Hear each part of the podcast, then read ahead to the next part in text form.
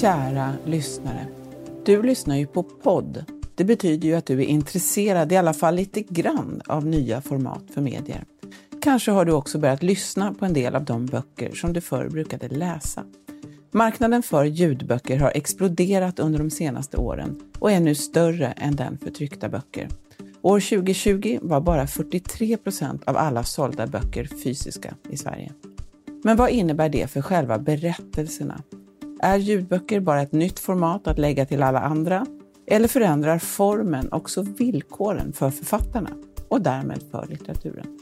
Välkommen till Studio DN. Jag heter Sanna Thorén Björling.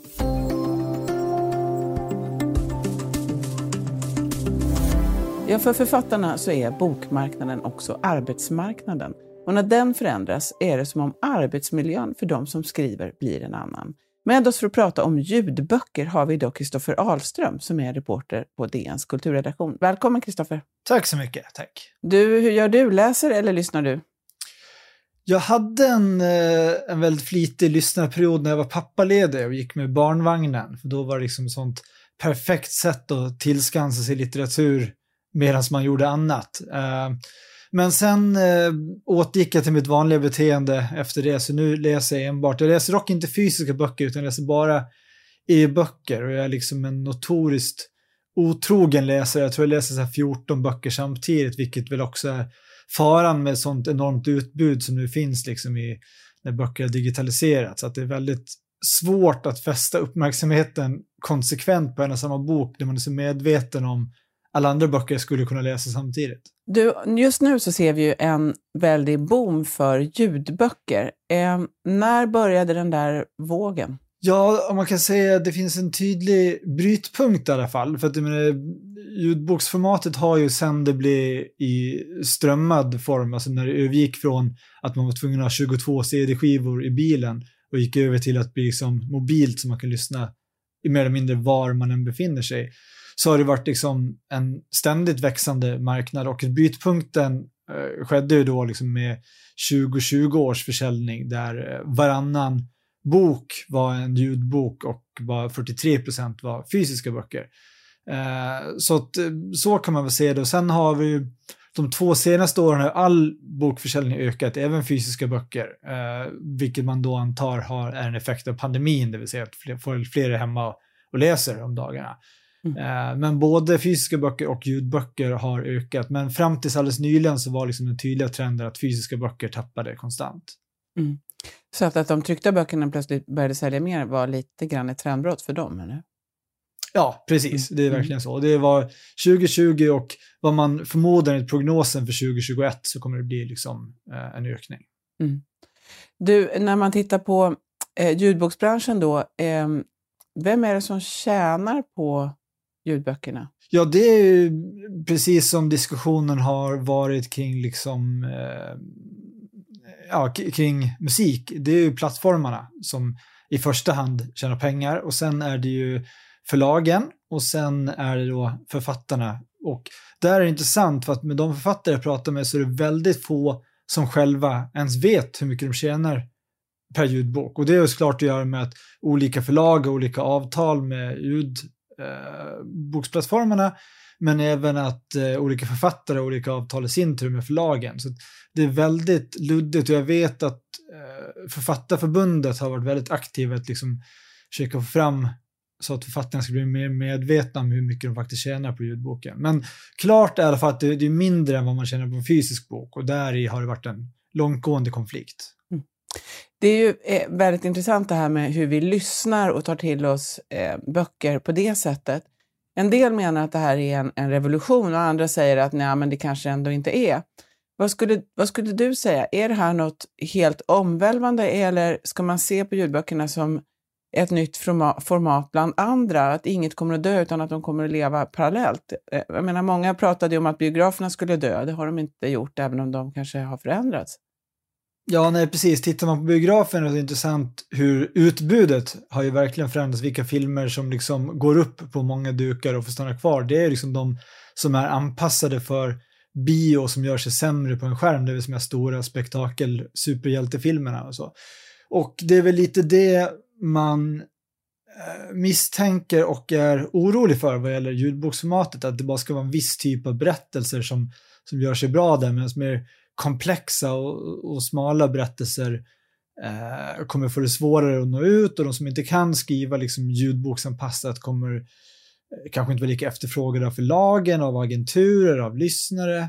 Och det är väl där man är orolig att det ska uppske en klyvning av marknaden. Och sen om, hur, frågan om det är en revolution vad gäller format så är det såklart inte så. För att jag menar, ljudligt berättande eller muntligt traderande som vi brukar säga var ju liksom långt innan eh, skriftspråket eller liksom tryckpressens eh, intåg. Så det är klart att det här liksom de ja, gamla grekiska myterna och så vidare som man brukar säga, liksom urberättelserna uppstår ju vid muntligt berättande. Ja, på ett sätt är det ju lite grann back to basics här kan man ju också säga, eller hur? Ja, absolut, så är det. Mm, mm.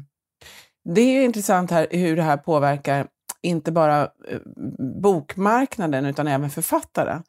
Eh, och DN har ju talat med äh, aktörer inom hela bokbranschen för att höra vad, vad, vad som händer. Men du har ju gjort intervjuer med 22 svenska författare eh, om hur de ser på det här.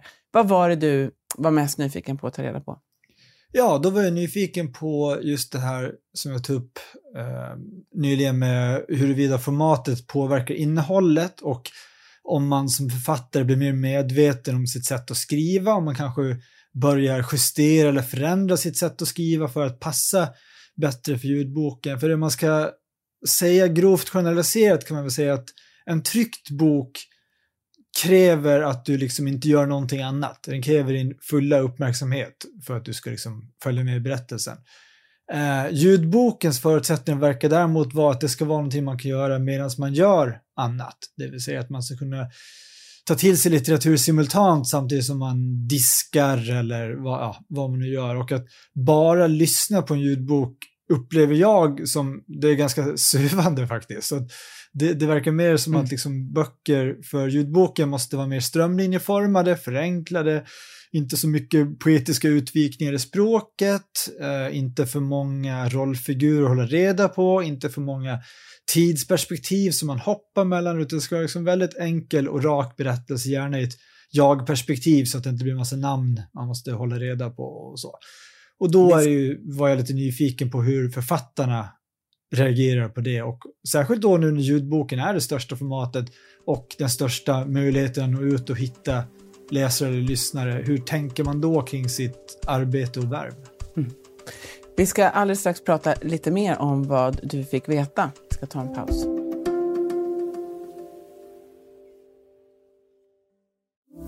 Studio DN idag. Vi pratar med Kristoffer Ahlström som är reporter på kulturredaktionen och vi pratar om ljudböcker. Du har ju intervjuat då över 20 författare. Eh, om man tar ett halvt steg tillbaka, eh, då, hur mycket tänker författarna på marknad och försäljning överhuvudtaget när de skriver? Det är ju att ljudboken kommer eh, gör ju inte att det plötsligt finns en publik. Den har ju alltid funnits där och marknadsavdelningen har alltid funnits där. Ja, men det, det visar sig när jag pratar med författare att de är kanske mer medvetna man vill erkänna. Man vill ju gärna tänka på författaren som det isolerade geniet som inte behöver ta hänsyn till något för att liksom till skillnad från andra kulturprodukter där det finns massa andra viljor inblandade så är verkligen författarskapet väldigt renodlat så att det liksom ofta är en persons vision och vilja som, som dominerar. Men, eh, men det visar sig att även saker som liksom eh, man tänker på, kommer den här boken översättas hur kommer det här stycket jag skrev nu då att förstås och tolkas och ta sig ut? Det är kanske en ren liksom, svensk företeelse jag beskrev som ingen i ett annat land kommer förstå. Så det finns liksom hos många, tror jag, en medvetenhet om att ja, verket i någon mån uppstår i kontakt med liksom en mottagare och hur den mottagaren då reagerar. Men det är klart att man tänker väl ofta så här att åh, det här stycket var inte tillräckligt, jag kom inte tillräckligt nära känslorna, det var inte tillräckligt gripande, så jag tror att hela tiden finns det liksom i bakhuvudet hur det ska uppfattas när man har skrivit. Och sen blir det kanske särskilt påtagligt då om det finns en slags uppsättning regler eller förhållningssätt för hur man ska eller bör skriva för att, för att fungera i det nu största formatet. Då. Mm. Så vad, vad, vad, säger de här författarna? Eh, har de anpassat sitt sätt att skriva? Eller räknar de med att det ska bli så? Eh, vissa har försökt att tänka på liksom att göra det mer storydrivet så att det liksom inte ska vara, att det ska vara ett rappt tempo och korta kapitel och så, men har liksom känt att det har, man har fått göra avkall på kvaliteten, att det liksom har blivit sämre av det. Eh, vissa känner snarare liksom ett, eh, ett starkt kraftigt motstånd mot att eh, ja, man skriver för att man liksom drivs av en väldigt stark vilja att berätta något och berätta på ett särskilt sätt och då blir det liksom väldigt frustrerande om man hela tiden måste tänka på eh, ja, hur man ska forma sitt språk eh, och hur liksom det kan väntas tas emot. Sen finns det ju även liksom en, en större debatt eh, kring det här, till exempel att Ljudböcker kostar att producera, det kostar för förlagen. Eh, alla böcker blir inte ljudböcker av den anledningen. Det kan vara att förlagen inte har tillräckligt ekonomiska resurser eller att en bok inte bedöms ha tillräckligt stort kommersiell potential och då hamnar de ju utanför den här marknaden som nu är den största. Och vad innebär det för liksom den lite smalare litteraturen eh, och så. Så det finns liksom den, de farhågorna också, nästan ur ett perspektiv. Och sen är det då som vi var inne på tidigare, det ekonomiska, att liksom eh, ljudböcker säljer mer och det är lite knepigt också för hur, vad innebär en såld ljudbok numera? Är det att man, någon har laddat ner den på en strömningstjänst till exempel eh, jämfört med en fysisk bok där du betalar liksom lika mycket för en bok som hela månadsprenumerationskostnaden på en ljudbokstjänst. Men i alla fall eftersom eh, ljudboken nu är större men ger mycket lägre ersättning per exemplar till författarna. Så även om volymerna ökar så minskar ju ersättningen för dem och det är de ju väldigt bekymrade över. Jag vet också att ibland så gör man, resonerar man kring att en ljudbok som ju kan kannibalisera en del på den fysiska försäljningen, då kanske man resonerar som att det är bättre att tjäna några slantar på eh, fysiska böcker istället för att eh, slänga bort dem på en ljudbok. Så det där tror jag också finns. Men du, några av författarna som du har pratat med vittnar ju också om att de faktiskt har hamnat i diskussioner med sina förläggare eller redaktörer, att man, eller gått på kurs för att lära sig skriva. Och Torbjörn Flykt, som är en av dem som du citerar, han, eh, han gör en jämförelse med att det är lite, lite som att skriva, skriva barnböcker, att konflikten måste komma direkt, ehm, eh, alltså att man sätter någon slags, vad det här handlar om, och, och, det som du var inne på, att det får inte vara för många personer och man ska ha korta kapitel och man kan inte hoppa för mycket mellan olika, eh, kanske tidsplan och sådär, inte vara för, för förvirrande. Eh, var det många som hade ehm, uppmanats att skriva på ett annat sätt? Uh, det var ett par uh, som, som hamnade liksom i konflikt med redaktörer som har försökt att ja, gör berättelsen enklare och liksom tar bort tidshopp och så att det ska vara förvirrande för läsarna. Eh, men det fanns även vissa som kände liksom att ja, det kanske är bra att anpassa sig och att det till och med kan vara liksom bra för kreativiteten. Det kan ju vara så ibland att liksom kreativitet är en så väldigt flyktig sak så kan det vara nyttigt med liksom ramar och, och ja, förhållningssätt, hur man ska tänka för att liksom styra sitt tänkande. Eh, sen fanns det också det som inte kommer med i artikeln, men som en person sa som jag tyckte var intressant, att eh, det kommer kanske liksom skrivas mer ljudboksanpassade versioner av redan eh, publicerade böcker, precis som det görs liksom lättläst versioner av böcker idag för mm. eh, ja, folk från andra språkområden eller barn, som sagt. Mm. Och att man liksom, för redan nu så skrivs det ju på de här eh, strömningstjänsterna så har man ju författare som skriver direkt för ljud. Det vill säga man, man håller stenhårt på de här reglerna och boken är inte ens tänkt att ges ut i tryckt format. Det ska bara funka som just ljud. Mm. Du är ju också romanförfattare vid sidan av journalistiken här. Hur tänker du själv på, på publiken när du skriver? Ja, det var ju själva upprinnelsen till artikeln, för jag är själv blivit väldigt medveten om det där och liksom jag hade bland annat ett, ett, roman, ett utkast till en fjärde roman som jag sen insåg bara gud, det är så många karaktärer som pratar här. Det, det är svårt nog i skriven form att hänga med vem det är som för ordet och, och vem, liksom, vad den hade för relation till de andra. Jag tror att i ljudbok skulle förmodligen vara omöjligt och då, då tänkte jag, ja det här är väl en slags Ja, är det självcensur eller är det ett sätt att liksom effektivisera berättandet? Man vill ju ändå ha en berättelse som är liksom insugande och få få med folk på tåget. Och bland annat då i den här enkäten gjordes det Malin Persson Julito som säger så här, ja men det kanske handlar rätt mycket om att möta lyssnaren på liksom deras förutsättningar. Mm. Att man kanske, ja, att det kan vara bra Mm. och, och liksom anpassa sig. Så jag, jag vet inte, jag står, jag vill ju självklart vara fri i mitt skapande, men visst är man absolut medveten om det här. Och jag tror att för min egen del kommer det säkert att ha, ha en påverkan. Ja, ofta är ju begränsningar eh, kan ju vara väldigt inspirerande. Alltså, det är ju mycket svårare att skapa ett vakuum än att, eh, än att få en väldigt tydlig ram. Eh, Det, Ja, för- det, det är faktiskt så.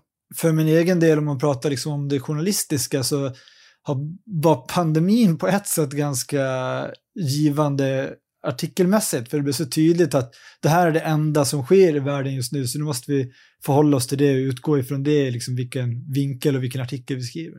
Mm.